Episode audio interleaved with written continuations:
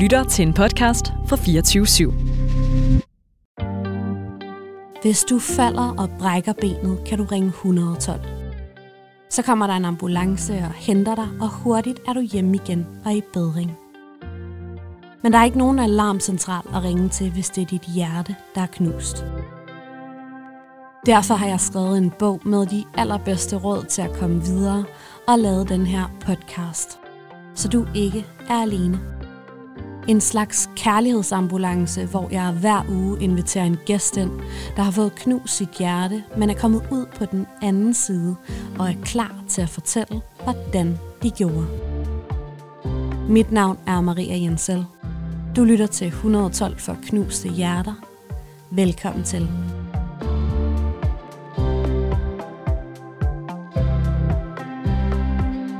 Min gæst i dag er iværksætter og en af Danmarks største YouTube-stjerner. Hun har sejlet over Atlanten, fået en femteplads i Vild med Dans, været vært på Guldtuben, og så er hun kun 23 år gammel. I dag er hun her for at fortælle verdens måske mest klassiske kærlighedshistorie. Historien om The One That Got Away. Velkommen til dig, Julia Sofia Åstrup. tak skal du have. det er så underligt at høre sådan nogle ting blive sagt højt. Jeg er sådan, gud ja, det har jeg også. Åh oh, nej. Bliver du generet eller hvad? Mm, en lille smule. Jeg tror, fordi altså, det, tingene går så stærkt normalt, så sådan at få ting opsummeret, det, så lyder det også sådan hæftigt på en eller anden måde. Ikke? Så man føler bare det hele ens liv. Ja, ja, men det er jo meget sådan bouillon-terning af hele dit liv. Og 100 procent, ja. Inden vi øh, skal i gang med den her klassiske yeah. kærestesovsfortælling, yes. så skal vi lige skrive dit kærligheds-CV. Mm-hmm. Så, hvor mange gange har du været forelsket? Jamen, jeg sad virkelig og sådan skulle ægte til på fingrene. Ja. Øhm, jeg tror, altså fordi i mit hoved er der forskel på sådan forelskelse, og så den der med at være sådan smitten af nogen. Ja. Og så også den der sådan forløsende forelskelse, hvor det rent faktisk bliver til noget, og så den, altså forskellen på den forelskelse, hvor at man Okay. bare sådan selv er forelsket from afar. Ikke? Okay. Øhm, Så sådan men, gengældt forelskelse, Ja. er det sådan kun det, der tæller-agtigt, eller mm, nej, altså jeg vil sige, at jeg kom frem til fire Ja. gange har jeg været forelsket. Men ud af de fire gange, der har det kun været gengæld to gange. Okay. Ja. Altså, jeg synes, forelskelse gælder præcis lige meget, om det er gengældt eller ej. ja. Så de her fire forelskelser, hvad, hvad er det for nogle slags? Jamen altså, øh, den første var jo sådan, den, den første forelskelse, den der rammer hårdest, ja. ikke? den er bare den er bare anderledes end alle de andre. Ikke? Ja. Øhm, og så havde jeg lige to, som ikke var gengældt, og så en, som, som var det, og så alligevel ikke blev til noget. Og den første, den store der, Ja, det er den, vi skal snakke om i dag. Ikke? præcis. Det var det, jeg tænkte. Hvor mange kærester har du haft? Jeg har haft to. To kærester. Ja. Så det vil også sige den første og den seneste forelskelse. Øh, nej, faktisk ikke. Øh, det har kun været et af de to forhold, hvor jeg har været rigtig forelsket. Jeg Nå, tror, okay. anden forhold var et mere tryghedsforhold, end det var sådan en stor forelskelse. Okay. Ja. Så de fire faktisk. Ja, der er kun en af de fire forelskelser, der er blevet til en kæreste. Ja. Og så en anden kæreste, som du ikke har været rigtig forelsket i. Ja. Hvor mange gange øh, har du slået op med nogen? Jamen, nul gange, og så, jeg føler, jeg blev lidt snydt for at slå op med en. jeg, havde sådan, jeg havde et forhold, øh, hvor at jeg ligesom havde, at det fungerede ikke. Og det vidste vi begge to godt, så der ja. var ikke noget der. Men jeg havde ligesom øh, inviteret den her person hjem, og havde noget at snakke med min mor om formiddagen, og sagt sådan, okay, jeg bliver nødt til at slå op i dag. Det, er, jeg, det, det fungerer ikke. I dag er dagen. Og så sidder vi og har den her samtale, og så den her person ligesom øh, har jo kommet frem til samme konklusion, konklusion som jeg, ja. men når lidt at sige det før mig. øhm, så sådan efterfølgende blev der i hvert fald sendt nogle beskeder rundt til nogle fælles venner, hvor den her person siger sådan, jeg har valgt at gå fra Julia. og jeg var sådan, okay, det er Jeg har fint. også valgt at gå fra dig. ja, præcis. Og sådan, det er ikke nogen konkurrence, du må godt få den. Men, men ja, jeg føler, det blev snydt for den. okay, så hvor mange gange har du besluttet dig at slå op med nogen? En gang. Det tæller. Ja. også med. Hvor mange gange har nogen slået op med dig? Jamen, det var så en gang plus, plus den halvhjertede der, ikke? Jo. Øhm, så to gange. Ja. Og hvor mange gange har du fået knust dit hjerte? Tre gange, tror jeg. Ja. Sådan rigtigt, hvor det har gjort af. Og det har taget noget tid at komme videre. Ja. Er det i tre af de fire forelskelser? Ja. Troede du, at du aldrig ville blive glad igen? Ja, det, altså jeg er meget sådan øh, følelsesintens, tror jeg. Ja. Øhm, jeg mærker ting sådan enten overhovedet ikke, det er virkelig hot and cold, enten overhovedet ikke, eller så, så sindssygt meget, det fylder alt. Øhm, så der har helt sikkert været perioder, hvor jeg har tænkt, shit, den, den, den kommer jeg ikke op fra igen, den her. Hvordan har du det lige nu? Øh, simi, simi, vil jeg sige. Jeg har lige været i noget, som mm, har været en forelskelse for mig, som blev, var lidt uforløst. Altså det, og jeg ved ikke, om jeg vil kalde det kærestesorg, for vi var aldrig kærester, men det er måske mere den der sådan afvisningssorg, ja. hvor man føler sådan, at jeg gav mig og mit hjerte på et lille sølvfad til en person, som bare ikke skulle bede om det. Og det gør ondt. Altså. Ja. Så det er måske lidt det, jeg sådan har været i her de sidste måneder. Men man kan jo sagtens have hjertesorg. Altså. Ja, det kan man. Det, det er helt klart måske det rette ord for det. Det har i hvert fald øh, kunne mærkes både fysisk og mentalt. Ja. Hvis du sådan skal sige, sådan, hvor du er i den proces lige nu. Mm. Jeg er på vej videre, ja. øhm, men han er sådan en, der bliver ved med at spøge. Altså, jeg drømmer om ham om natten og sådan noget, så du ved, det er sådan en, der, der bliver ved, ikke? Ja. Øh, men, men den er på vej væk. Altså, det kan jeg mærke. Jeg har sådan en, øh, det er helt fjollet, men jeg laver TikTok-videoer, ikke? Ja. Og der har jeg sådan i mit draft, øh, der er sådan en, en, hvad hedder det, en trending lyd, som er sådan en, hvor man starter sådan, når det gør rigtig nas, og så slutter på den anden side. Ja. Og den har jeg sådan liggende i min drafts, hvor jeg har lavet den, altså sådan, den del af videoen, som Ja. er at det gør næs. Ja. Og jeg sådan venter på, at jeg virkelig føler sådan, okay, nu kan jeg lave den sidste del af videoen, som er sådan moving on. Og jeg tænker, den kommer snart. Ej, hvor er det fedt. Det er altså også en god motivation at Ja, have det er det, liggende. Ja, At man sådan glæder sig til at gøre et eller andet helt fysisk, praktisk, Præcis. konkret, som sådan få det ud af systemet. Symboliserer sådan, okay, ja. Ja. nu er jeg videre. Præcis.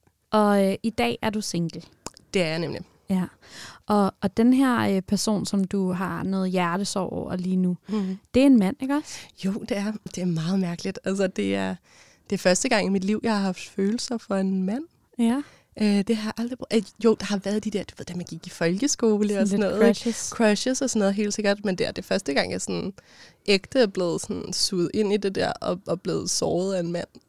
Ej, hvor er det vildt. Ja. Fordi man altså, kunne jo forestille sig, at det ville være omvendt, ikke? At det startede med en eller anden tro på, at Ja, jeg er sikkert heteroseksuel ligesom alle andre. Og så bliver man overrasket over, Ja, ja, jeg har ja. forelsket en kvinde. Jamen, jeg tror, den, den stik modsatte vej. Det har været meget mærkeligt, men, men jeg kan faktisk også godt lidt lide det, fordi jeg føler, at jeg er sådan en konstant udvikling af mig selv og min seksualitet og min identitetserkendelse. Ikke? Jo. Altså, øhm, jeg kan godt lide ikke at være fastlåst, og jeg kan ja. godt lide at være åben konstant for ligesom at møde nye mennesker. Og med det kommer der så også de her overraskelser.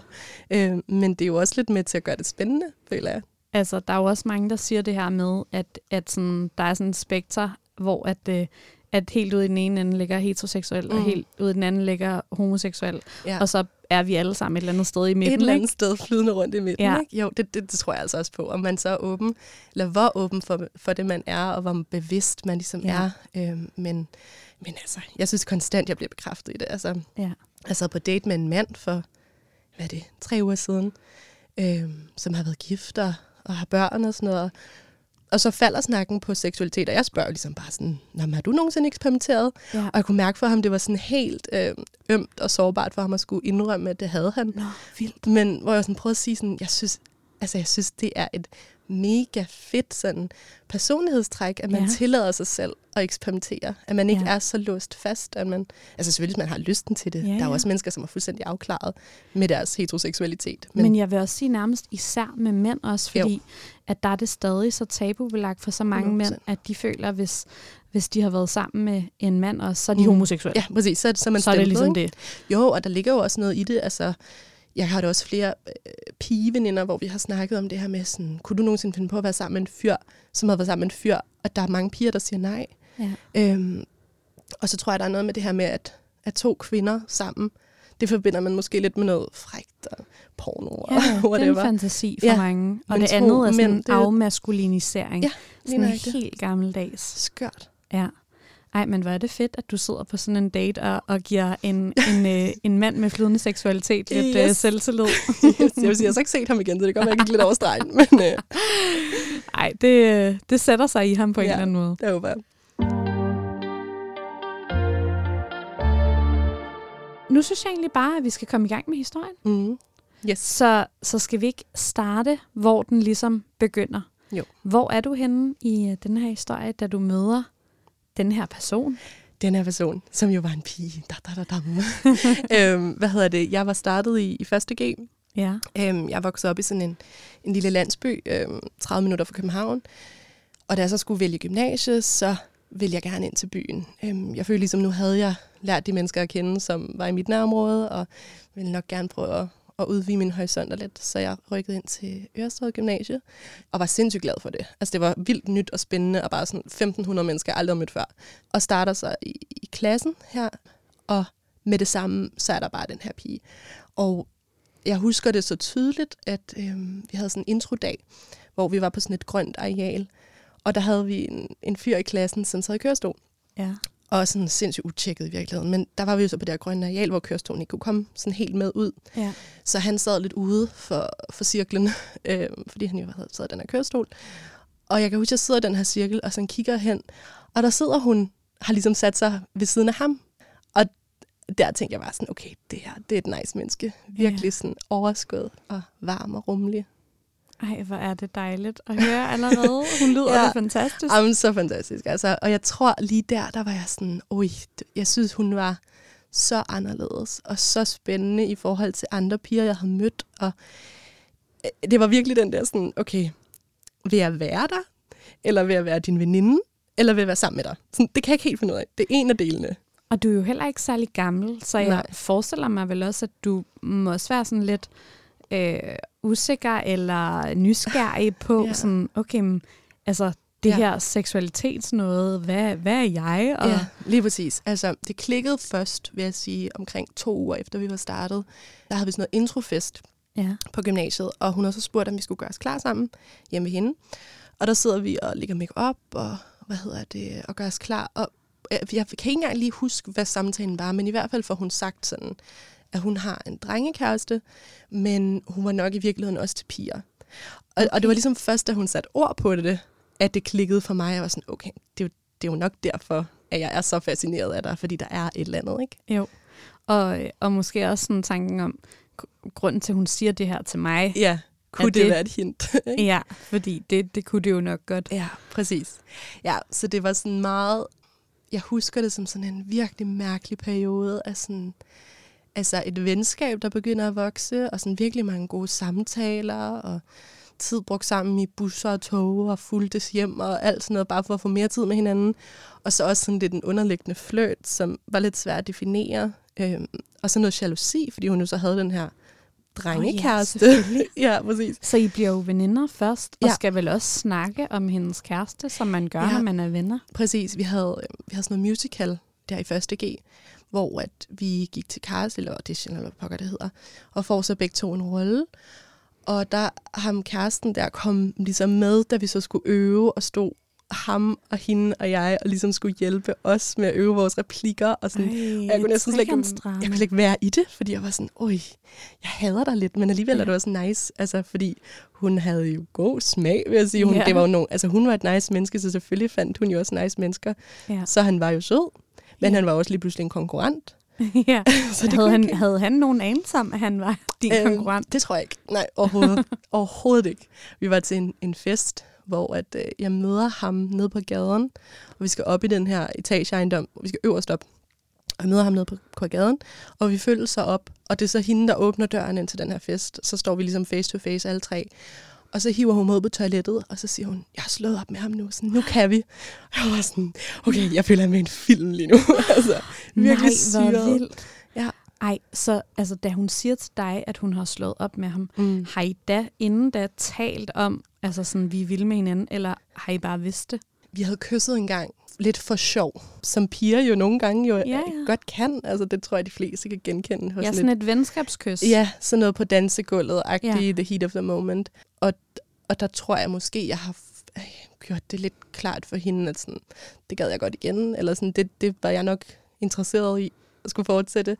Og jeg tror også, det er måske derfor, hun også så tog beslutningen om at, om at stoppe det med ham. Men intens periode. Altså, når jeg tænker på det nu, så kan jeg næsten ikke forestille mig, hvordan det, sådan, hvordan det var at være i det. Altså, fordi det, det var så det var så intenst. Altså det her med at have så voldsomt et begær efter nogen, som så samtidig var taget, men også ville have, altså sådan, ej, det var virkelig voldsomt. Føles det nærmest lidt, som om du sådan husker det udefra nu, eller sådan lidt, ud af kroppen-agtige Lidt smule, man ser det sådan lidt oppefra, og sådan, ja. ej, jeg kan også godt have lidt ondt af øh, 16-årige Julia der, og tænke sådan, oj, du var, du var på vej på dyb vand. Altså, ja. hvis du havde trukket dig der, så havde du sparet dig selv nogle knups. Men alligevel jo også oh, et ja. eventyr, jo, som man jo heller ikke ville have været for uden, men også smertefuldt til sidst. Men det ja. kommer vi jo så til. Ja, spoiler. Spoiler. En stor del af din ulykkelighed, når du har kærestesorg, består af kroppens helt fysiske reaktion på det at være ked af det. For når du er det, så stiger niveauet af stresshormoner i din krop, og samtidig falder niveauet af en lang række glædeshormoner. Blandt andet oxytocin, som også kaldes kærlighedshormoner. Men selvom glædeshormonerne muligvis er forsvundet bræt sammen med din ekskæreste, er det langt fra kun en kæreste, der kan aktivere dem igen. God varieret kost, træning, meditation, fysisk kontakt med andre mennesker, et kæledyr, det at grine, det at sætte et mål og gennemføre det, og hud-til-hud kontakt med venner og familie, er alle ting, der kan få dine glædeshormoner igen. Og det at få stabiliseret hormonerne vil få dig til at tænke mere positivt og komme hurtigere videre og blive glad igen. Vil du ikke bare lige prøve at beskrive den her samtale på badeværelset? Altså, jo. hvad er det, hun siger, og hvad siger du, og hvad sker der så? Jamen, altså, nu kan det også være, at jeg husker det mere sådan filmagtigt, øh, men, men jeg husker, at hun nærmest hiver mig ind på det her toilet, efter lige er kommet, og siger med det samme, nærmest med armen i vejret, sådan, prøv her, jeg har slået op med ham nu, det er bare dig, jeg vil have. Og jeg husker det også, som om vi kysser ud på det her toilet, og så går tilbage til festen, og sidder ved siden af hinanden ved sådan et bord og holder hånden under bordet og sådan noget. Men, men man blev jo også nødt til at være diskret, fordi ham der fyren var der jo så også til festen, ikke? Ja, og han havde sikkert lige fået knust sit hjerte. Præcis, præcis. Jeg vil så sige, de, de har, så vidt jeg ved, stadigvæk et venskab i dag. Så, okay. Ja, så det er meget godt. Jeg tror, hun, hun har været god til at, at behandle folk ordentligt. Ja. Øhm, men, men ja, den der toilet-samtale der, den sidder stadig i mig. Det er sådan en, du ved, man har episoder fra sit liv, man nærmest skal genspille eller sådan i sit hoved, og, og ja. det er en af dem. Hvordan udvikler det her forhold sig så? Bliver I kærester, eller? Ja, det var meget uskyldigt jo også, fordi vi var jo også hinandens første øh, piger. Øh, så, så det var jo ligesom også på en eller anden måde et, noget, der, et skridt, der ligesom skulle tages derfra. Ja. Ikke? Så det var meget sådan... Så I var ikke hinandens første gang? Altså, I havde Nej. begge to været sammen med drenge før? Ja, præcis. Er der nogen af jer, der på et tidspunkt spørger hinanden, eller sådan har I den der kæreste samtale? Der var sådan noget øh, brandalarm på skolen, hvor alle så ligesom samles ude foran. Og øh, vi kan ikke rigtig finde hinanden, vi som ligesom kom ud af forskellige udgange. Og så kommer min øh, anden veninde hen, og sådan, siger hun sådan, hende her, hun, øh, hun leder efter dig, og sådan, vi samles og mødtes og sådan noget. Og så siger hun sådan, øh, ej, der var det jo godt. Øh, jeg var lige bange for, at min kæreste skulle brænde inden. Og det var sådan første gang, det ord blev sagt højt. Og jeg var sådan, er det er det? det? Er, er, er vi kærester? Okay, super. Ja, Ej, jeg elsker de der situationer. ja, det er så sjovt. Det er virkelig weird, altså når, når der bliver sat titel på på den måde, man ikke har haft den der sådan, vil du være kærester? Ja, nej, måske. Ja. Og, sådan, og når jeg siger det højt nu, sådan, jeg, jeg kan godt mærke det, sådan, det føles jo meget, det lyder meget teenage-agtigt, men det var det jo også. Altså, det er jo store følelser i forholdsvis uerfarne kroppe. Ikke? Altså, Helt vildt. Ja, det er svært at være Det er i. det vildeste ja. at være i. Altså, det. det er jo alt opslugende, ja. og man kan ikke tænke på noget som helst Præcis. andet. ah, men det er altså så skørt. Og skole og familie og alt, det ryger ligesom bare lidt i baggrunden, ikke? fordi man bare jo. har det alt opsluttende sådan, ja, forhold. For, øh, får du sagt til din familie så, jeg har faktisk fået ja. en kæreste? Øhm, ja, altså jeg, øh, jeg havde samtalen faktisk meget tidligt med min mor. Det var første gang, vi havde kysset. Der kom jeg ligesom hjem efter den her fest og lå på sofaen og snakkede med hende. Øhm, sådan jeg husker det, som om hun sad og bare arbejdede på sin computer, og jeg sådan lå med hovedet hen over hende. -agtigt. Og siger bare sådan ud af det blå, sådan, jeg kyssede med hende her i går. Og min mor var sådan, hvad gjorde du? og jeg var sådan, ja, ja det, var, det var faktisk lidt mærkeligt. Sådan det, det, det, det troede jeg heller ikke skulle ske, men det skete det, og det var fedt. Og min mor var sådan, okay. Altså, det kom helt sikkert som en, en, en overraskelse for hende, øhm, tror jeg. Men, og igen, der kommer vi også ind på det der med sådan seksualitet og stereotyper og sådan noget. Jeg tror, der er jo noget om, at nogen viser tegn tidligt, og ja. nogen ikke gør. Altså, ja. øhm, nu har jeg en rigtig god kammerat, der er også homo, eller han er homoseksuel, og han, han vi har haft mange snak om det her, fordi han var sådan en, du ved, klassisk for barn, du ved, legede med dukker og legede med piger og var klædt ud som prinsesse til første lavn og sådan. Og, og det lyder tavligt, når man siger det, men det er jo nogle gange også et klassisk eksempel på, på, på en seksualitet, som er afvigende fra den sådan maskuline hetero, ikke? Jo. Og der tror jeg bare, at jeg var anderledes. Altså, jeg, jeg har... Nu har jeg så heller ikke rigtig været en kærestetype nogensinde. Jeg har aldrig været en, der har hævet folk med hjem. Og, øhm, min søster for eksempel er sådan en, hun har haft kærester, siden hun lærte at tale nærmest. Ikke? Jo. Det har jeg aldrig haft. Men jeg tror bare heller ikke, at min mor havde sådan set den komme på den måde. Øhm, fordi jeg så hverken havde heddet fyre eller piger med hjem. Nå, men I bliver altså kærester, yes. efter brændelampen er gået. ja. I, uh, I starter ja. med at date ude på toilettet, efter hun lige har slået op. Yes. Det hele er meget uh, ja. High School Musical-agtigt ja. indtil videre. Hvordan er det her forhold?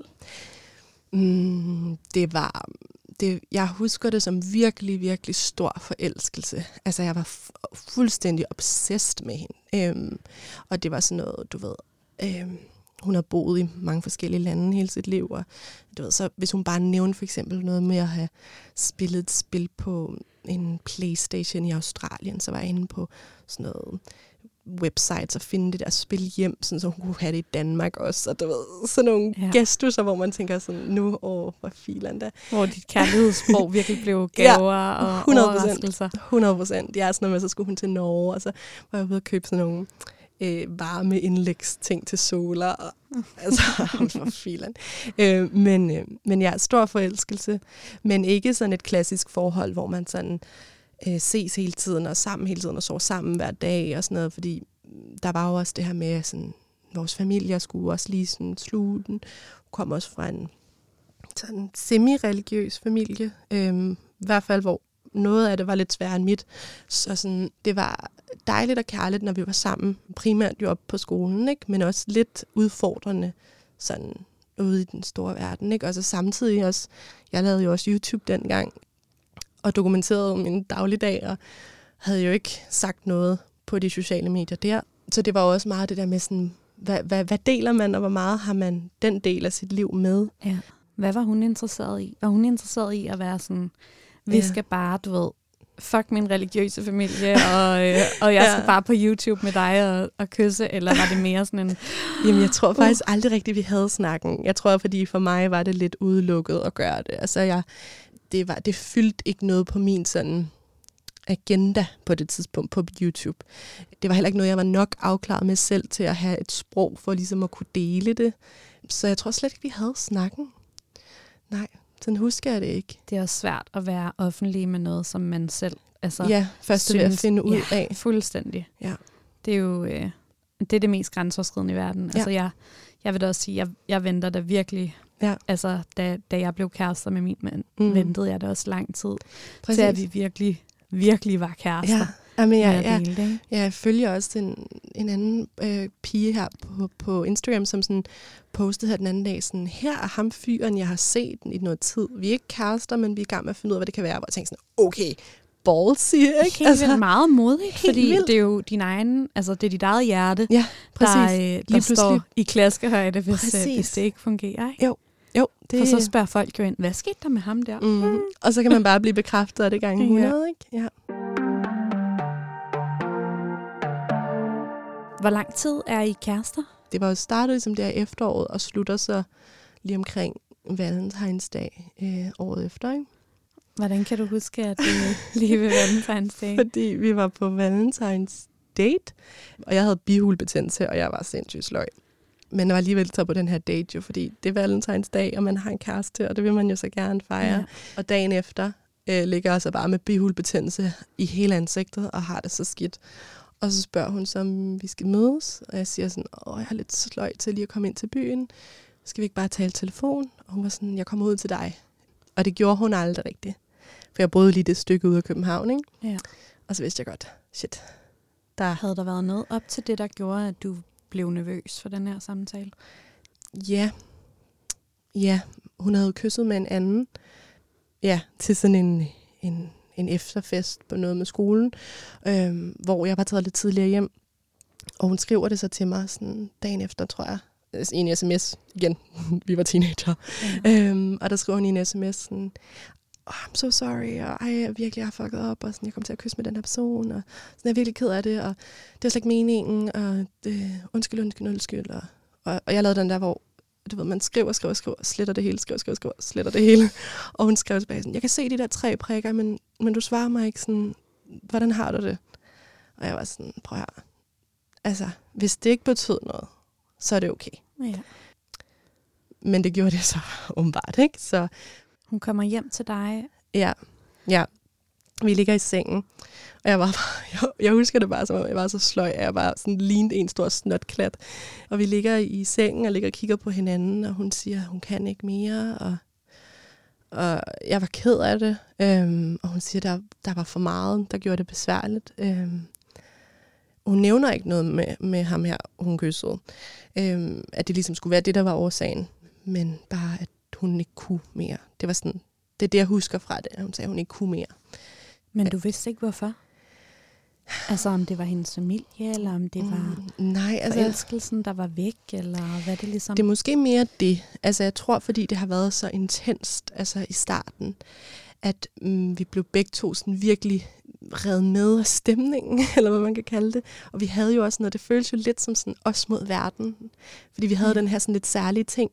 Og vi var en stor gruppe piger, vi var 7-8 piger i klassen, som ligesom havde en lidt tæt venindegruppe. Og vi var jo så to af dem, så det var jo også lidt, det var sådan, det var også mod verden, det var også mod gymnasiet, det var også i den her venindegruppe, så man var den der kerne. Så det var også meget med ligesom at have hinanden. Og så tror jeg lidt, for hende var forelskelsen måske ikke lige så stærk, som den var for mig. Øhm, men jeg tror også, der var flere ting, der spillede ind. Også måske ting som sådan, ja, jeg ikke ved sådan, om, om skal sige så højt i en podcast eller sådan, men, men der var helt sikkert noget med familie og noget, som Mm. gjorde, at hun måske ikke havde lige så nemt ved at give sig selv hen.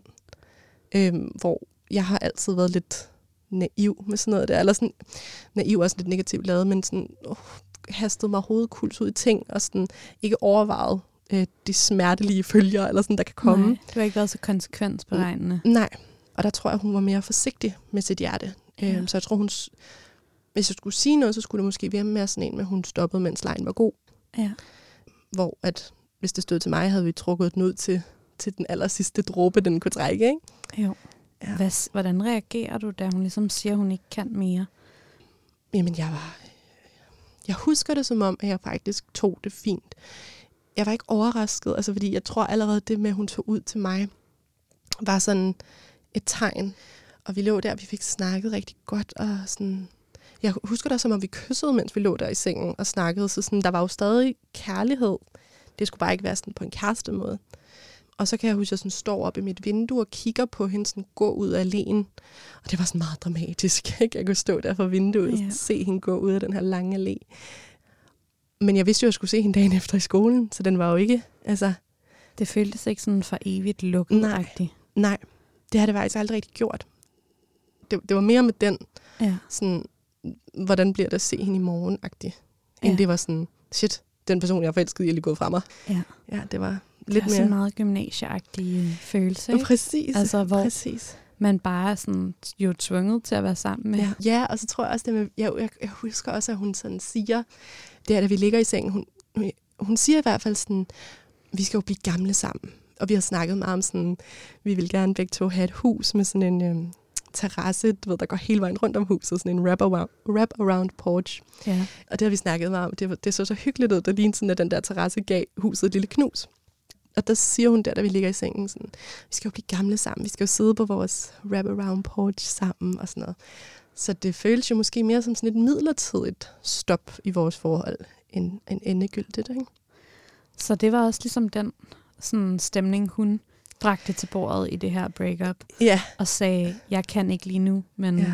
men lige vi der. er meant to be. Lige der i hvert fald, vil jeg så sige efterfølgende. Lad os sige, det har måske sket en søndag eller sådan noget. Ja. Så om fredagen, øh, der var der sådan noget fredagscafé på skolen. Og på skolen, vi havde sådan nogle, øh, man sad ligesom, kantinen var på nogle trapper, sådan nogle brede trappetrin. Og jeg sidder med mine veninder på øverste trappetrin, og hun står på aller nederste trappetrin og spiller beerpong. Øhm, og jeg sidder selvfølgelig og holder øje med hende hele aften, ikke? fordi der gik min, mit livs kærlighed, som det jo føltes som på det tidspunkt rundt. Og så lige pludselig kommer sådan en pige farne op, og så er hun sådan, Julia, Julia, din, din kæreste kysser med en anden. Og jeg var sådan, et, vi er ikke kærester mere. To, what? Ja. Og så kigger ned for enden af den her trappe, og så står hun der og spiller beerpong og kysser med den her fyr, som hun havde kysset med, mens vi var sammen. Oh. Ej, ja. det er jo en kniv i dit hjerte. Fuldstændig. Altså, og jeg husker det som om, at jeg, min veninde Katrine, som også øhm, havde lidt hjertesår på det tidspunkt, at vi tager en flaske rom og sætter os ind på et badeværelse eller sådan et toilet, handicap-toilet på skolen, og bare drikker den her flaske rom, hende og jeg, og bare græder og snakker om livet, og ender med at blive hentet af min mor i sådan en kæmpe brændert. Så, så alt det gode, jeg lige troede, breakupet ligesom skulle være, vi skulle være venner, og vi skulle, det skulle være nemt, og vi skulle have hinanden i, støtte hinanden i at komme videre. Der følte jeg virkelig, at min trust blev sådan kottet i der. Ja, selvfølgelig. Puha. Er den ikke sjov? Nej, slet ikke, fordi man bliver jo også nødt til at komme i skoledagen efter. Præcis. Og se både ham og hende. Og, og det var foran alle, vi kendte. Ja. Altså, og, og, og, du kunne se og høre det hende der, der kommer ind og siger, jo, jo, er din kæreste, hun kysser med hinanden. Folk havde ikke engang noget at opfatte, at vi ikke var sammen mere. Nej. Øhm, og, og også noget efterfølgende. Der havde vi sådan, vi har sådan en Facebook-gruppe-chat, øh, den her 7 pige-agtige gruppe. Øhm, og der to gange, kan jeg huske, sådan, jeg har screenshottet det, jeg har det stadigvæk, fordi det var så sådan voldsomt. Øhm, men der sender hun et billede inde i gruppen af den her fyr, som sådan et selfie, han har taget, og sender det, og så skriver hun lige bagefter sådan, hov, hov, ej undskyld, sådan, haha, øh, han, sendte, han tog min telefon og sendte, haha, et eller andet. Og jeg tænkte, gjorde han det, eller sendte det for at få en reaktion af mig? Ej, øh, ej det er så ubehageligt. det er det virkelig. Oh, også fordi, fuck altså. Også fordi sådan, jeg, jeg blev også lidt vred over, at nu havde vi lige været igennem det her med sådan at stå stærkt i os selv og komme til en anden form for erkendelse af, hvem vi var og vores seksualitet og, og, og finde ud af ligesom, mm, ja, måske det her med sådan stå, stå stærkt i, hvem vi var. Og, og så følte jeg jo også lidt, det var, hun kørte den safe med så at finde tilbage til en fyr. Og det er jo sindssygt strengt, kan jeg godt høre nu, fordi hvis de har været forelsket, så har deres kærlighed været lige så berettiget. Men når man går fra at tage nogle skridt imod noget, som er så nyt og så voldsomt og så grænseoverskridende nervepirrende, så føles det som mig, som om sådan, at hun gav op og gik tilbage til noget trygt. Ja. Føltes det også som om, at det I så havde haft ikke var lige så ægte, som du havde troet? Eller mm. ændrede det ikke noget på jeres historie? Nej, måske føltes det faktisk næsten mere ægte, det vi havde. Øhm, hvor jeg tænkte sådan, ej, nu går hun tilbage og skjuler en del af sig selv. Ja. Men det vil jeg sige, det, er også, det var også mine 16-års følelser. Altså nu hvor det er kommet mere på afstand, og så vidt jeg ved i dag, så vidt jeg ved, ser hun fyre i dag. Ja. Øhm, det ved, jeg ved det faktisk ikke 100%, men det er min, mit indtryk. Mm. Så jeg tænker... Blev hun kærester med ham her? Ja, ja. Og så meget offentligt også på skolen, ikke? Ej. Ja, så jeg tænker, Nej. altså, jeg tror, at dengang, der, der føltes det sådan, som om, sådan, nu havde vi noget helt særligt, og så var der fyre omkring os, men, men det kunne aldrig gå ind og rykke ved det, vi havde. Og det kan, kan det måske heller ikke, men, men jeg tænker, at hun, hun måske har været mere... Nej, man skal ikke definere folks seksualitet, men jeg tænker, hun har været mere biseksuel, end hun har været til piger. Mm. Hvor det hende og jeg havde føles meget som om sådan, nu har vi fundet vores seksualitet sammen. -agtigt. Ja, vi er kun til hinanden. Ja, præcis. ja. Hvordan er den her kærestesovsproces for dig? Fordi, altså jeg tænker jo, der, der er jo selvfølgelig både, at dit, at dit hjerte er jo knust over, at I ikke skal være sammen, men så er der hele det her parallelle forløb ja. af at blive tortureret hver dag ved at kigge ja. Jamen, det var forfærdeligt. Altså, det var forfærdeligt. Men jeg gjorde det heller ikke nemt for mig selv. Øhm, fordi jeg havde stadig et stort behov for at have hende i mit liv, altså fordi hun var en af, et af de tætteste mennesker, jeg har haft på mig. Hun kendte mig sindssygt godt, og vi havde de samme interesser, og du ved, vi havde, inden vi slog op, havde vi booket øh, ferie til London, og vi havde koncerter, vi havde booket billetter til sammen og sådan noget, hvor vi blev ligesom enige om, sådan, det gør vi jo stadigvæk. Nå, øhm, ej, hvor sindssygt. Ja, og jeg tænker også nu sådan, hvorfor gjorde du det? Hvorfor passede du ikke lidt mere på dig selv? Ja. Men jeg tror, jeg gjorde det, fordi jeg håbede, at jeg kunne få hende tilbage. Og, og det gjorde jeg også lidt. Altså, jeg husker i hvert fald en, en koncert, vi var til, hvor vi kyssede, ja. efter vi havde slået op. Og så just der, altså jeg kan huske sådan, du ved, vi skulle til fest fra en, hos en fra klassen, så tog jeg hjem til hende stadigvæk, og vi gjorde os klar sammen, og sådan, der var en gang, hvor at jeg er hjemme med hende, og vi, vi skal videre til fest, der er en pige fra klassen, der er fødselsdag, og vi sidder og gør os klar, og så tror jeg, hun ender med at sige sådan lidt sådan, ej, jeg, jeg er måske ikke lige humør alligevel, sådan, skal vi ikke bare blive hjemme og, og se en film, og så kan vi lige putte og sådan noget. Og det var jo på en måde alt, hvad jeg havde lyst til, og på en anden måde alt, hvad der var forkert, fordi det kunne, jeg kunne ikke være i det der. Altså, jeg kunne ikke være tæt på Nej. hende, og så ikke måtte få hende. Øhm, så jeg husker sådan, at jeg gik ud på hendes badeværelse, hun havde sådan noget varme i gulvet. Jeg ved ikke, hvorfor jeg kan huske det, men det var, fordi jeg lå på gulvet. Og det der sådan, jeg lå og græd hun vidste, at hun, kunne, hun var inde på værelset, men lå og græd på det der varme gulv, og bare var sådan, mm. hvad skal jeg gøre? Skal jeg gå nu og tage til fest med mine andre veninder, eller skal jeg blive her og se film og putte velvidende, at det kommer til at gøre så næst? Og Ej. jeg tror, jeg endte med at blive. Man kan jo ikke lade være. Det kan man ikke. Altså, man er jo magtesløs i det. Ja. Det er også derfor, at man, når man står på den anden side, altså når man er i hendes situation, når man finder sig selv i, mm. i den rolle ja. i parforhold, øh, ja. med ekskærester, at man virkelig skal være den stærke, Præcis. der ikke ja. tilbyder de der ting, selvom Præcis. man lige har lyst den aften, fordi ja. nej, det er nej, umuligt for den anden at sige Præcis, nej. hvis man har overskud, hvis man er den, der har overskud, og den, der ja. har overhånden, please behandle den anden ordentligt. Ja. Altså, fordi man kan, ikke, man kan ikke gøre for, ens krop har bare nogle impulser, når man står i den der situation, ja. som man ikke nødvendigvis har magt nok til at styre. Nej, det er øh, ekstremt svært. Ja. Du har sikkert set de der par, hvor man tænker, er de kærester, eller er de søskende? Og måske har du selv en ekskæreste, der ligner dig.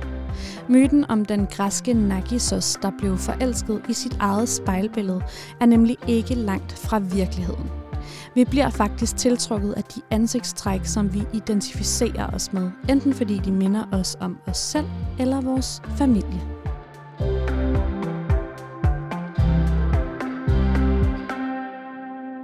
Hvor, øh, hvornår kan du mærke, at det begynder at gå den rigtige vej, og du er sådan, ej, nu begynder jeg at få det godt, eller? Der gik lang tid. Øh, virkelig, jeg tror, der gik et år. Der, hvor det virkelig, hvor jeg kunne mærke i maven, sådan, du ved, hvor man fik den der sådan klump i maven, eller sådan sten i maven, hvor man var sådan, fuck det. Altså, der var vi, det var på den tur, vi havde booket til, til London. Og øh, vi skulle så, vi havde booket det hele som, som kærester, så vi havde et hotel med en enkelt, altså en dobbeltseng og sådan noget. Og vi tog afsted som veninder, og vi var veninder, og alt var godt. Vi, der var ingenting sådan fysisk kærligt mellem os, øhm, for hun var jo så sammen med den her nye fyr. Og så er der en aften, hvor vi har besluttet os for, at vi skal i byen, og hun vil have en lur, inden vi tager afsted, for ligesom at lade op. Og jeg sidder og venter, og jeg sidder og tripper. Jeg er ikke kendt for at være et særligt tålmodigt menneske, så jeg sidder virkelig og tripper. Og hendes telefon bliver ved med at plinge, eller sådan altså, og, og går, går amok. Ikke? Ja. Og hun ligger der og sover, og, sådan, og jeg har aldrig været typen for at læse beskeder, og det gør jeg heller ikke nu overhovedet. Men jeg vender bare telefonen om. Ikke noget med at læse, eller noget, men vender bare telefonen om, og kan se sådan noget der. 27 beskeder fra ham her fyren. Og uden overhovedet at læse dem, uden at vide, hvad der stod, eller noget som helst. Det havde jeg ikke brug for, fordi jeg vidste bare sådan, jeg skal ikke være i konkurrence med ham. Altså, det kan jeg mit hjerte ikke holde til. Så jeg puffede til hende og sagde, nu tager jeg ud. Og hun var sådan, ej, bliv nu, put nu. Og jeg var sådan, mm, jeg skal ud. Og tager på en eller anden sportsbar og bliver bare pivstiv. Og ender med at sidde i en anden park med en, en sådan en en anden stor mm, fyr med sådan en blå jakke på. Vi sidder i en anden park og deler sådan en Sprite og en vodka fra kiosken. Og jeg frøs, og jeg fik hans jakke på. Og vi var på KFC. og det er sådan mega sent om natten, og jeg kommer tilbage sådan klokken 4 om morgenen, sådan, og iført ham her mandens blå jakke, fordi jeg frøs og fik den på. Og hun er sådan, hvad har du lavet? Hvor har du været henne? Hvad er der sket? Og jeg var sådan, jeg har lige haft mit livs bedste aften. altså, bare sådan været ude med random mennesker, sidde og haft den her sådan livsdybe samtale med den her random mand, som jeg ikke, altså, stadigvæk i dag ikke aner, hvad hedder, eller noget som helst. Jeg tror bare, jeg har delt min livshistorie med ham, ja. og han har været et par lyttende ører. Men, men der kunne jeg godt mærke, sådan der, der gjorde jeg lige noget for mig selv. Og det føles så rart. Altså, og jeg kunne mærke mig selv igen, og lige pludselig handlede hele den her tur ikke om at sidde og vente på hende, og vente på hendes signaler, og vente på, om hun gav noget. Men det var sådan, at nu tog jeg sgu også selv noget styring. Ikke? Så derfra måske begyndte det at gå bedre. Og så droppede jeg ud af gymnasiet nogle måneder senere, for ligesom at gå full on med min karriere her. Og det hjalp os. Og ikke at have Ja, den der skulle se hende hver dag. fysiske dagligdags kontakt. Ikke? Jo, det er simpelthen så svært at komme videre, når man Ja. er tvunget til at se hinanden. Ja. Ikke at det er umuligt, men jeg tror bare, det tager længere tid ofte. Ikke? 100 procent. 100 procent, jo. Jo, det gjorde i hvert fald noget for mig lige at komme, komme lidt væk. For det lidt på afstand. Hvordan har hun fyldt i dit liv og i dit hjerte siden og frem til i dag i virkeligheden? Hun fylder stadig meget. Hun er sådan... Jeg kan stadig blive glad, når jeg ser, at hun ser mine stories, hvilket er så dumt. Men jeg tror, grunden til, at hun stadig fylder, det er ikke på sådan en, sådan en I want you back måde overhovedet, fordi vi lever nye liv, og vi er andre mennesker, end vi var, da vi var 16. Og, men hun er stadigvæk et af de bedste mennesker, jeg nogensinde har mødt. Altså virkelig. Og jeg tror også, jeg har det sådan, at, at, at det var ærgerligt, at vi mødte hinanden så tidligt. For mit vedkommende i hvert fald, der har jeg det sådan, hvis jeg mødte hende nu som 23-årig, eller hvis jeg mødte hende som 40-årig, eller hvis jeg mødte hende som 60-årig, jeg tror stadig, jeg ville blive smadsforelsket i hende. Altså, fordi hun havde, havde skrådstræk, har stadig den effekt på mig. Altså, hun er virkelig et af de mest sådan, dragende og spændende og sådan fascinerende mennesker, jeg nogensinde har mødt. Bare sådan den måde, hun talte på, og de ting, hun interesserede sig for. Sådan, jeg var helt, helt forgabt. Og det går jo aldrig rigtig væk. Altså selvom, selvom man bliver såret, og selvom der er ting, der gør nas, og selvom hun har gjort taglige ting, altså som at kysse med ham der fyren for enden af trappen, og sådan, så ændrer det jo ikke på, at hun er virkelig, altså, virkelig god. Hvad er det så, der gør, at du ikke går ud af det her studie og skriver til hende, skal vi ikke tage på date igen, de er se? Mm-hmm. Der er jo gået lang tid, altså man, man Ja. kan jo ikke vide, om det bare var timing, tænker jeg.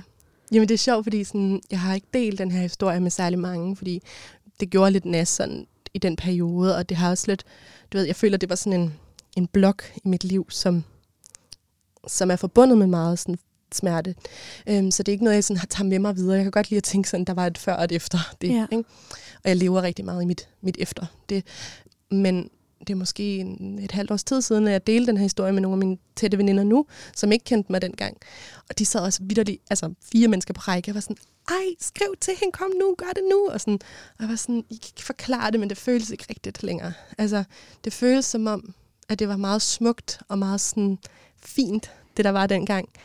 Og jeg tror ikke, det skal gentages, for så mister det måske noget af sin sådan, ja, sin finhed. Ja, Altså fordi, det forstår jeg virkelig godt. Det er lidt ligesom det der frygten for at møde sine helte. ja, Og præcis. så, øh, og så er de ikke lige så Ja. fantastiske, som man, man troede, de var. 100 procent. Altså, ja, jeg er bange for, at det tager noget af effekten for det. Plus, altså, at jeg var 16 dengang. Altså sådan, og det er slet ikke, fordi jeg siger, at man ikke have store følelser som 16 år. Det, det lover jeg dig for, jeg havde store følelser. Men jeg er en anden i dag. Den måde, jeg har lært øh, at være sammen med mennesker på, og den måde, jeg har lært at være i de her relationer og sådan noget, er så anderledes nu, end den var dengang. At i mødet med hende, tror jeg heller ikke, at hun ville kunne genkende mig. Altså, så det må godt, det må godt bare have været det, det var. Mm. Men jeg tror altid, jeg vil tænke på hende. Og vil altid håbe, hun har det godt. Og hun finder lykke. Og sådan noget. Og hvis det så nogensinde skulle ske, at vi skulle mødes, og vi skulle blive gamle sammen og have den der wraparound porch, så ville det være sindssygt dejligt. Men det skal ikke, det skal ikke være for sådan at all costs. Men, men det fylder stadig. Altså sådan, jeg kan ikke køre forbi Christianshavn metrostation, uden at lige kigge og være sådan, skulle der lige være sådan et lyshåret hoved her et eller andet sted? det er mærkeligt, ikke? At man stadig gør det. Det er fantastisk, synes jeg. Jeg synes, Ja. det er smukt. Altså, så længe det er en positiv følelse i dig, ikke? Altså, som ikke gør, at hele dit liv er på standby, og Ja. du ikke kan blive forelsket i andre, eller Nej, nej, nej. du sidder derhjemme og, og kugelurer og, og keder dig. Altså, Ja. det, så vil det jo være frygteligt, men jeg synes, den her version af det er jo bare så smuk, fordi Ja. det er jo også bare sådan lidt en, en romantisk drøm, som i hvert fald sådan giver dig lys i øjnene herinde at tale om, ikke? Jo, jo, altså, jo. Og så tror jeg også, der er noget i, at sådan, det, jeg har taget lidt med mig fra det, har også været sådan, jeg ved jo godt, at jeg var meget mere forelsket i hende, end hun var i mig. Jeg gjorde meget mere for hende, end hun gjorde for mig. Jeg, jeg var meget mere på, altså sådan, jeg, måske jeg også kvalte hende lidt, men jeg er bare meget følelsesintens. Og jeg, det er rart at føle sådan, at man, at man kan det. Altså, at man kan give sig selv helt hen. Og det er jo også det, det vi snakkede om lige i starten, at det her med, at jeg også lige nu har lidt øhm, hjerteknups. Øhm, men det er fordi, det er præcis samme fortælling om igen. Altså det her med at møde et menneske, som bare er nice og spændende og fascinerende, og så have det gøre virkelig, virkelig nas, og så alligevel bare gå all in på det, ikke? Jo. Så det tager jeg virkelig med mig fra det der. Altså sådan, jeg, jeg, jeg gider ikke slå mig selv oven i hovedet og tænke, du ved, cringe, når jeg tænker tilbage over, at jeg var for meget, eller jeg var for på. Nej, eller... der er der intet. Altså, jeg synes ikke, du har gjort noget som helst pinligt. Hvis kun du har handlet helt naturligt ud fra, at dit hjerte bare følte følelser. Det er jo, virkelig altså, mange følelser. det er jo sådan, det er at være menneske. Amen altså. Har du, øh, altså, er du bange for, altså er der en grund, en af grundene til, at du ikke også bare skriver til hende og tænker, mm. ah, lad os gøre det ja. igen. Er det også, fordi du er bange for at få dit hjerte knust igen? Altså, hun har helt sikkert, tror jeg, vil altid have en magt over mine følelser. Altså, fordi at, at, at jeg kan lukke hende så meget ind, som jeg kan, så giver det hende automatisk også en magt over mine følelser. Mm. Jeg kunne godt være bange for, at hun kunne gøre det igen, eller hun ville kunne have muligheden for at gøre det igen. Men jeg vil hellere, altså jeg, jeg, det, det er en måde at beskytte mig selv på. Jeg vil hellere huske det som noget rart og noget godt, end jeg vil risikere det igen. Også fordi sådan, man har jo nogle gange en tendens til at romantisere en sådan tidligere smerter, øhm, og ikke huske det så galt, som det var. Og det er jeg meget overbevist om, at det er det, jeg også gør lige nu. Men ja. jeg, kan, jeg kan bedre lide den historie. Jeg kan bedre lide at tænke tilbage på det sådan. Altså, og det gjorde bionas, og jeg har gjort alle de der dumme ting, som jeg også har hørt flere sagt også i det her program, som at gå ned i magasin og bruge personens parfume, bare for at føle, at man er tæt på dem, ikke? Og ja. skrevet dårlige digte, og altså stået stortude til fester foran, altså alt det der. Men, men, men det gode var så godt. Altså, at de gode følelser, de her forelskelsesfølelser, var så dejlige at have i kroppen, at sådan, det, det vil jeg bare gerne have, at det var sådan, det var.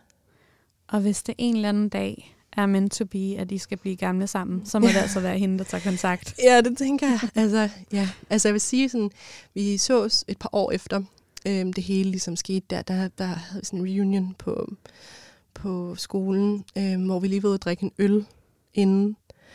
Og sådan, jeg var også, hun kom gående ned og godt og skadet i sådan en lidt kedeldragt-agtig, og så sådan en bakerboy-hat. Og hun så bare så dejlig ud.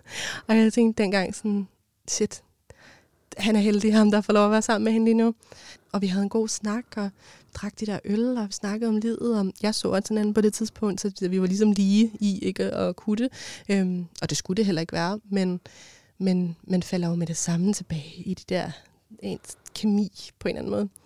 Og så har jeg så ikke set hende, hende siden. Men så er der jo sociale medier. Altså jeg føler, at man stadig kan følge lidt med hinandens liv. Ikke? Øhm. Følger I hinanden begge to? Ja. ja. Men der kan jeg jo se, hvad hun laver lige nu, og hun, hun er i gang med at uddanne sig til det, hun drømte om, og har været på rejser, og sådan, så det, det er dejligt at følge med i.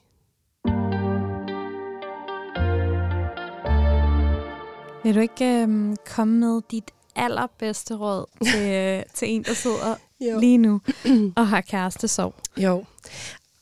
Okay, jeg var sådan lidt i tvivl om, hvad jeg skulle sige her, ikke også? Ja. Fordi jeg havde... Øhm, det første, da vi snakkede sammen, det første, der ligesom sprang mig i hovedet, eller hvad det hedder, faldt mig ind, eller pokker. Øhm, har du set den film, der hedder Call Me By Your Name? Nej. Ej, den skal du se. Den er ja. sindssygt god. Øhm, og der, øh, det handler om den her fyr, der forelsker sig i en, en anden fyr. Og, der, øh, det, og man ved lige så godt fra starten, no spoiler, men man ved godt fra starten, at det kommer ikke til at holde. Og der er der sådan en slutscene, hvor faren til den her fyr ligesom sidder og holder sådan et tale for ham. Og så nu har jeg lige screenshotet noget af det på min telefon, fordi jeg sådan, altså, alt hvad han siger, det er sådan noget, jeg tænker hver gang sådan noget her sker. Ikke? Øhm, okay. Ej, det, jeg det? elsker, elsker forberedelse. Ja, det, det kan jeg godt lide. Øh, okay, nu, nu trækker jeg lige nogle enkelte sætninger ud. Det er en ret lang en. Men ja. han siger... Øhm, lige, nu prøver at sige på dansk. Ikke? Lige nu, der har du måske ikke lyst til at føle så meget, og måske er det måske slet ikke mig, du har lyst til at snakke med det om.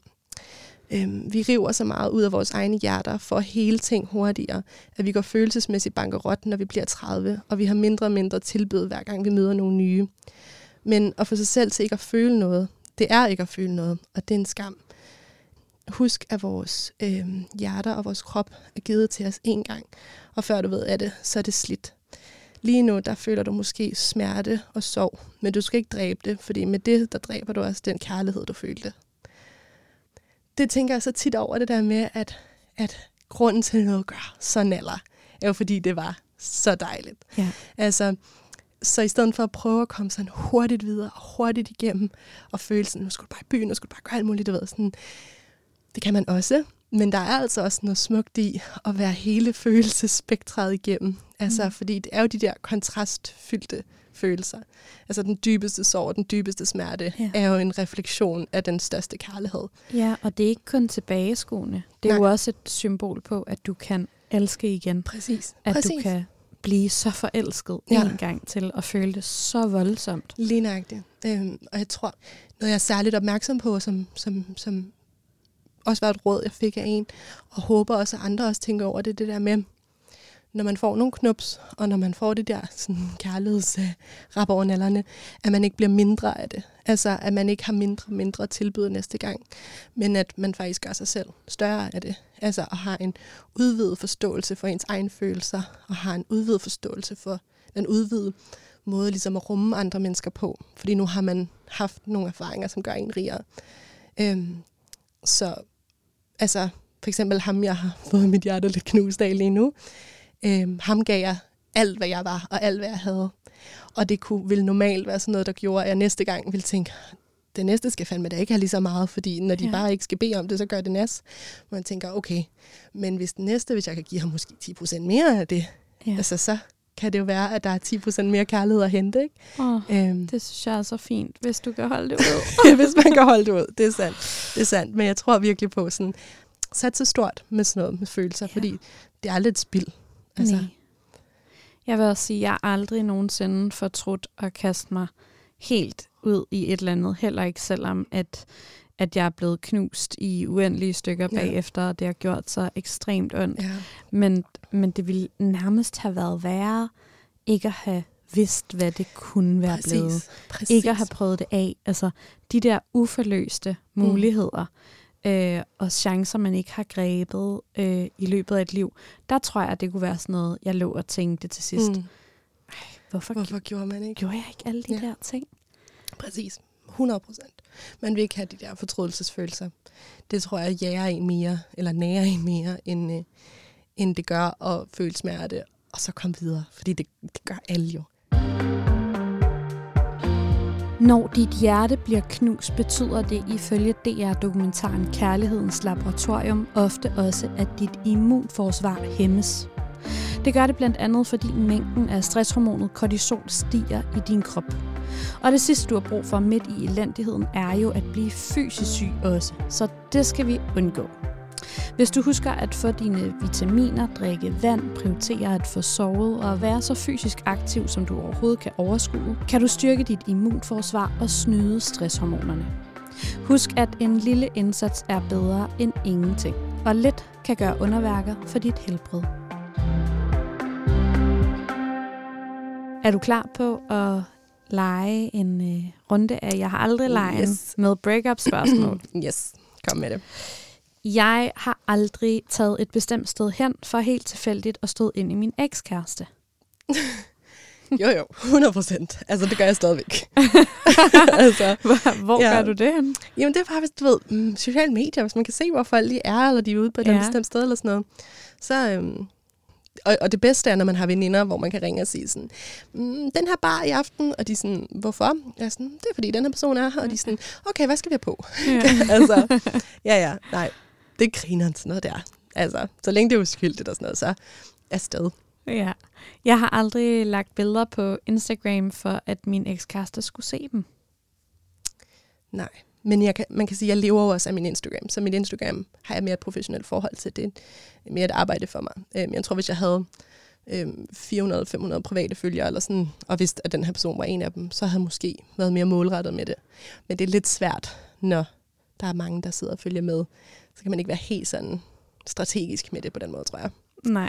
men, men at man lige laver sådan en kampagne med dem, som de altid gerne vil have ja, ja, ja. en taske fra. Eller men 100 procent. Men, men jeg tænker mere der, hvis man prøver at sende et diskret signal til den her person, så ved jeg, at der er en masse små Instagram-følge friends derude, som vil opfange de signaler. også, og ikke kun den her person. ja, følger, ja, man kan ikke snyde følger. Nej, præcis. præcis. Jeg har aldrig læst min ekskærestes beskeder. Det har jeg ikke. Altså andet end lige at vende telefonen der, men nej, ja. det, det, øhm, jeg er ikke sikker på, at jeg vil vide det. altså jeg er ikke sikker på, altså, hvis jeg havde en dårlig mistanke eller um, dårlig følelse omkring noget, der skulle ligge på en telefon, så er jeg ikke sikker på, at jeg vil vide det. Nej. Øhm, plus, jeg vil blive rasende, hvis nogen gjorde det med mig. Det er virkelig en grænse for privatliv, synes jeg. Så ja. det har jeg ikke gjort. Det er også ulovligt, jo. Er det det? Ja. Nå, fedt. Ja, man kan melde, melde sin ekskæreste til politiet. Griner. Altså, det vil, jeg, det vil jeg sige, det må man altså kun gøre, hvis man ikke har gjort noget. Ja, ja, ja. Altså, hvis du har været utro, så, så, Præcis, så, så frafalder ikke... retten. Fuldstændig. øhm, jeg har aldrig gjort noget drastisk med mit udseende for at imponere min ekskæreste. Mm. Nej. Altså, jeg vil sige, jeg er ikke særlig sådan øhm, helseagtig selv. Sådan overhovedet. Jeg er ikke typen, der træner meget eller sådan. Men øhm, jeg har virkelig mærkeligt også, at jeg har datet flere sådan træningsagtige typer. Ja. Øhm, og sådan, der kan jeg godt mærke, når jeg har datet dem, der er jeg blevet lidt sådan, ej, jeg skal også bare være mega fedt, og jeg skal bare være mega sund, og jeg skal bare træne hver dag. Øhm, og lige så snart jeg så ud af det igen, så er jeg sådan, puh, jeg godt. no pressure, ikke? Øhm, det er måske det tætteste, jeg kommer på. Det er sådan at, at prøve at tilpasse mig lidt det. Så ikke nogen tatoveringer, piercinger, øh, nye formede øjenbryn, øh, eller nej. ny hårfarve? solarie, ny tøjstil. Altså, så skulle det være sådan noget med, at du ved, at man, så har man måske en kjole på med lidt kavalergang, eller sådan noget, næste gang man ved, at man skal se personen og sådan noget. Men ikke, ja, gør så lækker. Ja, gør så lækker. Men nej, jeg vil ikke sige, at jeg har sådan ændret øhm, drastisk på mig selv. Men igen, det vil ikke ligge fjern fra mig at gøre sådan noget. så det kan være, at det kommer. det er bare ikke sket endnu. Præcis. Så hvis man ser dig pludselig på YouTube med noget sort stridt hår, Præcis. så, så, så ved man sandsynligt lige fået knust mit hjerte. Jeg har aldrig tilgivet utroskab. Øhm. altså, nej, ikke andet det der kys der. Det tror jeg ikke, jeg har. Men, Men jeg det vil... tilgav du jo også. Ja, det gør Og jeg ville også, tror jeg, kunne, godt kunne tilgive det. Altså i mit hoved er der meget sådan... Der er meget forskel på sex og kærlighed. Og jeg tror virkelig på, at man kan have rigtig meget kærlighed uden sex, og man kan have rigtig meget sex uden kærlighed. Øhm, og tror jeg også, fordi jeg selv er et menneske, der øh, øh, hvor kærlighed er lidt fysisk for mig, eller sådan, du ved, jeg, jeg, det fysiske fylder noget, så tror jeg, øh, jeg, jeg, jeg er heller ikke så altid Jeg tror jeg godt, jeg vil kunne tilgive sådan noget. Altså, det er da en dejlig følelse at have, altså sådan at hvile i, at, ja. at det kommer ikke til at ødelægge mig fuldstændig. Nej, nej, det tror jeg ikke. Nu har jeg også selv prøvet at være nogen utro, og sådan, det gør så meget skidt for en selv, altså at gøre det, så man lider nok nogle gange i sin egen sådan, øh, selvpineri, eller sådan, når man har gjort sådan noget. At det vil jeg også tro var for andre også øh, nok straf. Ja. Jeg har aldrig beholdt en fysisk ting, som jeg ikke kunne give slip på, som minder om min ekskæreste. Med hende, jeg har fortalt den her historie om i dag, der skrev rigtig mange digte efterfølgende. Sådan det digthæfte er jeg stadigvæk. Øhm, så har jeg sådan et album på min telefon med sådan screenshots og samtaler, jeg gerne vil huske, og billeder jeg også, og sådan noget, som jeg gerne vil huske. Øhm, så, så måske, altså hvis det kan gælde som fysisk ting, mm. så mhm. har jeg det, som ligesom symboliserer det. Men det har ikke været sådan en, du ved, en sweater, jeg har lige gået snuset ned i. Eller sådan. Nej. Men stadig noget, som du godt kan lide, sådan ligesom ja. at have i dit liv, for ikke at skille dig helt af med, ja. med den her oplevelse. Men udelukkende ting, der ligesom bringer mig glæde. Ja. Altså fordi jeg tror ikke på at holde fast i ting, som symboliserer smerte og sådan. Det, det er ting, hvor Nej. jeg vil smile af det, tror jeg, hvis det var. Ja, virkelig, det er så vigtigt. Ja. Øh, vigtig en pointe, når man sorterer i ja. Altså efter et breakup, hvad man skal beholde og hvad man ikke skal beholde. Ja, Hvis du præcis. kigger på en ting og begynder at græde og få ondt i maven, Ja, så betyder det ikke, at det er så vigtigt, at det skal mm. du beholde. Nej, så betyder det, det skal bare, altså, og hvis man ikke er klar til at smide det ud, fordi det kan jo sagtens være, at det får en god værdi senere, mm. når der er gået nogle år, og man Mm. har det bedre, men så, du ved, Mm. op på loftet, eller ned i kælderen, eller Præcis. et eller andet, ikke? Jo. Øh, ind i en iCloud-mappe, øh, hvis mm. det er Mm. digitalt. Mm. Væk fra ens skrivebord. Præcis, ja. Jamen, det er du så ret i. Er du klar til øh, at hjælpe nogle lyttere, der sidder og har kærestesorg lige nu? Det er Yes. øh, allervigtigste Det allervigtigste. i hele, hele Så programmet. dejligt. Ja, ej, det har jeg glædet mig til det her. Det er godt.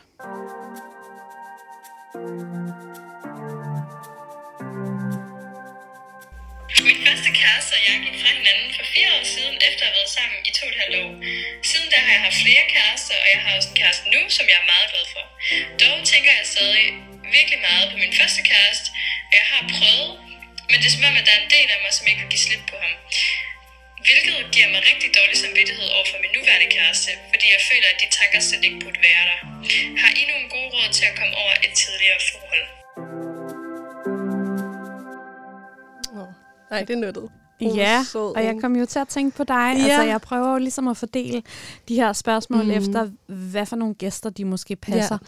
bedst til. Ja, Og da jeg hørte det her spørgsmål, så tænkte jeg bare, at det Ja. jo øh, virkelig er sådan down your alley. fuldstændig. Ja, min hjerne gik også lige, da hun begyndte at snakke, så sådan, dang, dang, dang, dang, dang. Øhm, men ja, præcis, fordi det føles, det, det, jeg kan virkelig genkende det, hun siger. Men jeg tror ikke, hun skal se det som en dårlig ting. Altså, øhm, jeg tror, hun skal tænke på det, eller det ville jeg, hvis det var mig, tænke på det sådan, at din første kæreste er så stor en del af dig og din kærlighedsidentitet på en eller anden måde. Han har været med til at forme ham eller hende, det ved vi så ikke helt, vel? Eller gør vi det? Ja, det, det lader jeg faktisk ikke mærke, Nej. som hun sagde. Præcis.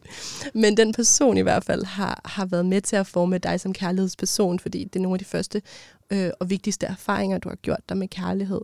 Og første forhold, første forelskelse er noget, altså jeg tror, man kan spørge folk på 95 år, og de vil alle sammen sige, at de kan huske deres første kærlighed. Fordi den, den betyder sådan noget ekstra særligt. Øhm, så husk det som en god ting, og noget, der har været med til at forme dig. Og, øhm, og hvis det har været noget, du stadigvæk har gode følelser omkring, så husk tilbage på det med, med, med kærlighed.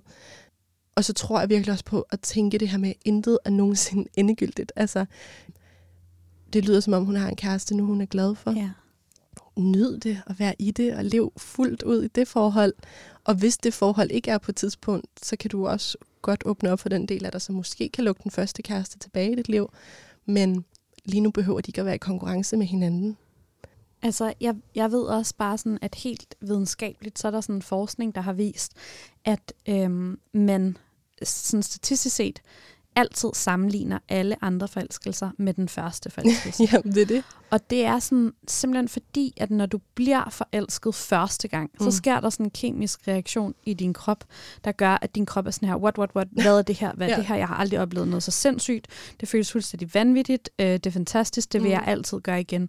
Og så lidt ligesom med stoffer, hvor sådan første gang øh, du tager dem, så får Ja. du det bedste øh, trip nogensinde, Ja, og så går, bliver det dårligere og dårligere, til sidst så skal du tage helt vildt mange for at føle det. At der er det sådan, der, der er det sådan med forelskelse, at, at den første ofte altså øh, sætter sig i dig på en Mm. særlig måde, og derfor skal man virkelig lade være med mm. At sammenligne. Præcis. Fordi kærligheden er ikke mindre ægte af, Mm. at forelskelsen føles anderledes, Anderledes. anden og tredje og fjerde gang. Præcis, og, og, og, og i første forelskelse, der er det ikke altid, at det handler så meget om den anden person. Altså Nej. det er lige så meget en opdagelse eller en rejse i din egen krop og dit eget følelsesregister, som er med ja. Til, at det føles så sindssygt. Ja, og det er bare blevet projekteret over på den her Præcis. person, hun nu øh, Ja. ja. taler om. Ikke? Lige nøjagtigt, ja. Ja, præcis. Så, så jeg vil også sige sådan, prøv her, altså husk tilbage på det, sådan noget vildt og noget fedt, og lad være at sammenligne det, som du også siger, med, med dit nuværende forhold, og så bare nyd, hvis du har en dejlig fyr nu, nyd, hvis I har det godt, Ja. øhm, og så lad være at tage stilling til noget, før din situation ændrer sig. Vild Hvis i, at, det. at det betyder altså ikke nødvendigvis, at du er forelsket mm Mm-mm. i din, din første kæreste, eller Mm-mm. at det var det eneste rigtige for dig. Det er bare helt naturligt at tænke tilbage på med stor øh, glæde og, og varme i hjertet, fordi det er en, en særlig ting at blive forelsket første Præcis. gang. Lige præcis. Kære Maria, I en stor del af min gymnasietid og et års tid efter var jeg kærester med en fyr fra samme gymnasie. Det var et mega usundt forhold, hvor han fik mig til at tvivle på mine egne tanker og på mit eget værd. Generelt bare et rigtig lorteforhold, som jeg skulle være smuttet fra langt før. Så øhm, her er mit problem. Selvom jeg kom videre i det sekund, jeg slog op, er jeg stadig mærket i den forstand, at jeg ikke rigtig kan forestille mig nogensinde at give mig hen til et andet menneske på den måde igen. Og det ærger mig. Så har du eller I nogen råd til, hvordan jeg kan sætte mig selv fri til at tro på kærlighed igen? Åh, oh, for Sivansta. Den er heller ikke nem, var. Nej. Og den er så klassisk. Der er så mange, der har den der. Hvor er det strengt, at, at nogen kan få en til at føle sådan. Har du, øh, har du selv oplevet noget lignende, altså at miste troen på kærlighed? Øhm, nej, ikke på den måde, som hun beskriver det, men jeg har det mere det der med, at man giver sig selv fuldstændig hen. Altså, og lader nogen, lukker nogen ind i sit hele jeg, og ja. de så ikke skal bede om det. Så jeg har mere oplevet den her med sådan at give sig selv på et sølvfad og blive afvist på den. Men, men det, hun har været igennem, er noget helt andet jo. Øhm, og man har jo bare lyst til at, sådan, øh, at give hende knus og sige, prøv her ven, altså der kommer, der kommer gode mennesker til at modbevise ja. alt det dårlige, du har været igennem. Altså, hvis, det skal man simpelthen bare have tilliden til. Altså, for der findes idioter derude, men lige så mange idioter, endnu flere gode findes der. Ja. Og lige om snart, så møder man dem jo. Altså, og nogle gange, så skal der bare eksempler på gode mennesker til, at man ikke lader det fylde lige så meget de dårlige. Ja, og så, så tror jeg også, at, at det er også bare vigtigt at sige, at hvis du har været ude for noget virkelig voldsomt i et mm. parforhold, og, og du er blevet behandlet helt vildt dårligt og svigtet og altså brændt dig på kærligheden, så er det altså ikke nødvendigvis noget, der går over på to sekunder. Mm-mm, præcis. At det er sådan, at, at det er også lidt som om, vi har sådan øh, fortællingen om kærestesorg som det der sådan lidt nuttede, som mm. det sådan, du ved, øh, videre og mange fisk i havet og op på ja. hesten igen, og så, så er alt godt. Øhm, og derfor kan man jo tro i sin egen verden, når alle andre, de kommer jo mm. over det på to sekunder, mm. så hvorfor er jeg ikke videre? Præcis. Hvorfor tror jeg ikke 100% på den store, smukke, gode kærlighed? Men det gør du ikke, fordi du har kærestesorg. Præcis. Og selvom, Lad dig selv være i det lige nu. Ja, altså, altså sådan, at det, det tager bare noget tid. Ja. Og, øh, og selvom at man godt ved, at det er det rigtige, mm. så betyder det ikke, at man ikke stadig har haft en voldsom oplevelse, mm. som, man, som jo sidder i som et traume ens, i ens krop. Ens krop skal også nå at forstå, hvad der sker. Ja. Altså, fordi hvis det er ens logik og ens hjerne, der tager beslutningen for hurtigt, så kan kroppen ikke altid følge med. Præcis. Og sådan, min, min mand, han sagde det bare så, så genialt til mig, da vi mødte hinanden, fordi der var det cirka jeg tror lidt over et år siden, eller måske lidt mere i virkeligheden, at han havde været ude for sit virkelig, virkelig, virkelig voldsomme brud.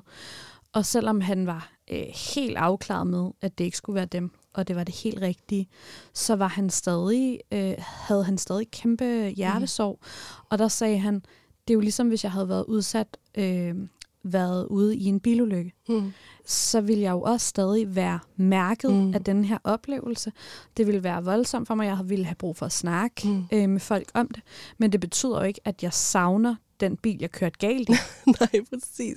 Ej, det er nice. Det er nice sagt. Og det, er sådan, og det giver bare så god mening, og ja. jeg synes også, det, det er jo også det samme med med barndomstraumer øh, traumer eller mm. øh, minder, som har været som har været dårlige. Det betyder jo ikke, at du savner den her forfærdelige barndom, men derfor har du, sidder det i dig, mm. og du har måske brug for at snakke om det. Mm.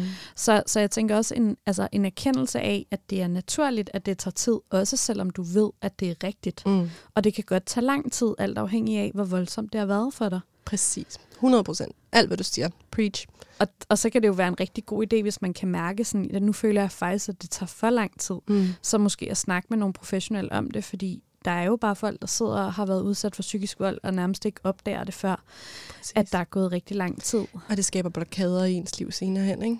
Jo, så, så sådan virkelig ja. få snakket om det. Ja, og så også måske finde, finde den styrke i det, at du sådan, og udvikle lidt på sproget omkring det, og på, på på også kommunikation, på, på, på de der følelser. Altså fordi når du så kommer til, som du jo helt sikkert gør, at møde en fantastisk sød en på et tidspunkt, og så kan sige, ligesom have den åbne snak og have den åbne dialog og sige, prøv her, jeg har nogle ar på sjælen, jeg har nogle tidligere traumer for nogle tidligere forhold, eller et tidligere forhold, som har gjort, at jeg måske reagerer på en anderledes måde, eller at jeg har svært ved at lukke ind, eller hvad det nu må være. Det er så meget nemmere for den her nye relation i dit liv, at komme ind og være den rigtige person for dig, ja. sådan noget, hvis de har grundlaget, ligesom hvis, hvis, der er, hvis der er ren kommunikation omkring. Helt klart. Ja. Det er nemlig så vigtigt at være ærlig omkring sådan ja. sine erfaringer. Mm. Altså netop ja. at se det ligesom, om, hvis jeg havde været øh, ude i et sygdomsforløb, eller øh, har en kompliceret familierelation, eller mm. et eller andet, lige så vel som man vil inddrage sin kæreste mm. i, i de erfaringer, så også gøre det i sit gamle kærlighedsliv, Præcis. for det er jo det, der har skabt en. Ja. Ja, og det er ikke fy det der med sådan, det er ikke fy at snakke om tidligere forhold eller tidligere kærester. Nej, sådan, sådan, selvfølgelig har vi elsket før. Præcis, det er jo ikke, fordi man bare sådan modtager en ren hvid boks af sådan Nej. et menneske, vel? Sådan, det er jo også der, altså alle de forhold, man ender i, er jo også kommet, fordi man har en baggrund af noget tidligere, som har udviklet en til ligesom at kunne stå der, hvor man står i den Præcis. nye relation. Så, så, så vær åben, helt sikkert at snakke med, med din fremtidige øhm, kærlighedsinteresse, eller hvad det nu må være om det. Fordi så kan de også bedre rumme dig, og så har du også en bedre følelse af at være forstået. Ja, og hvis du giver det den her tid, og ligesom ved, at det er helt naturligt, at mm. det tager længere tid for dig, også selvom du ved, det er det rigtige, øh, og du måske snakker med en professionel, eller i hvert fald med, med dine venner, og prøver at bearbejde det med dig selv og sådan noget, så, så er du også meget mere rustet og åben til at lægge mærke til, når den her gode mand øh, pludselig står foran dig. Præcis, ja. Det er så rigtigt. Julia Sofia, tusind tak, fordi du ville øh, komme i dag. Ja, tusind tak, fordi jeg måtte komme. Det var så fedt. Var så det dejligt? Hyggeligt. Det synes jeg, det er sådan helt... Jeg kan mærke, sådan helt lettet, når jeg sådan føler, min krop er sådan helt... Ah, du, man har fået noget ud af systemet, og det var en dejlig samtale. Du er god til at lytte også. Sådan, det føles meget trygt i det her lille rum. det er jeg glad for. Det er, det er jo det vigtigste overhovedet, at, øh, at jeg der kommer herind og betror jeres inderste mm. følelser ja. til mig og alle, der lytter med, at I føler jer trygge i den proces. Ja, 100 procent. Det har været rigtig dejligt.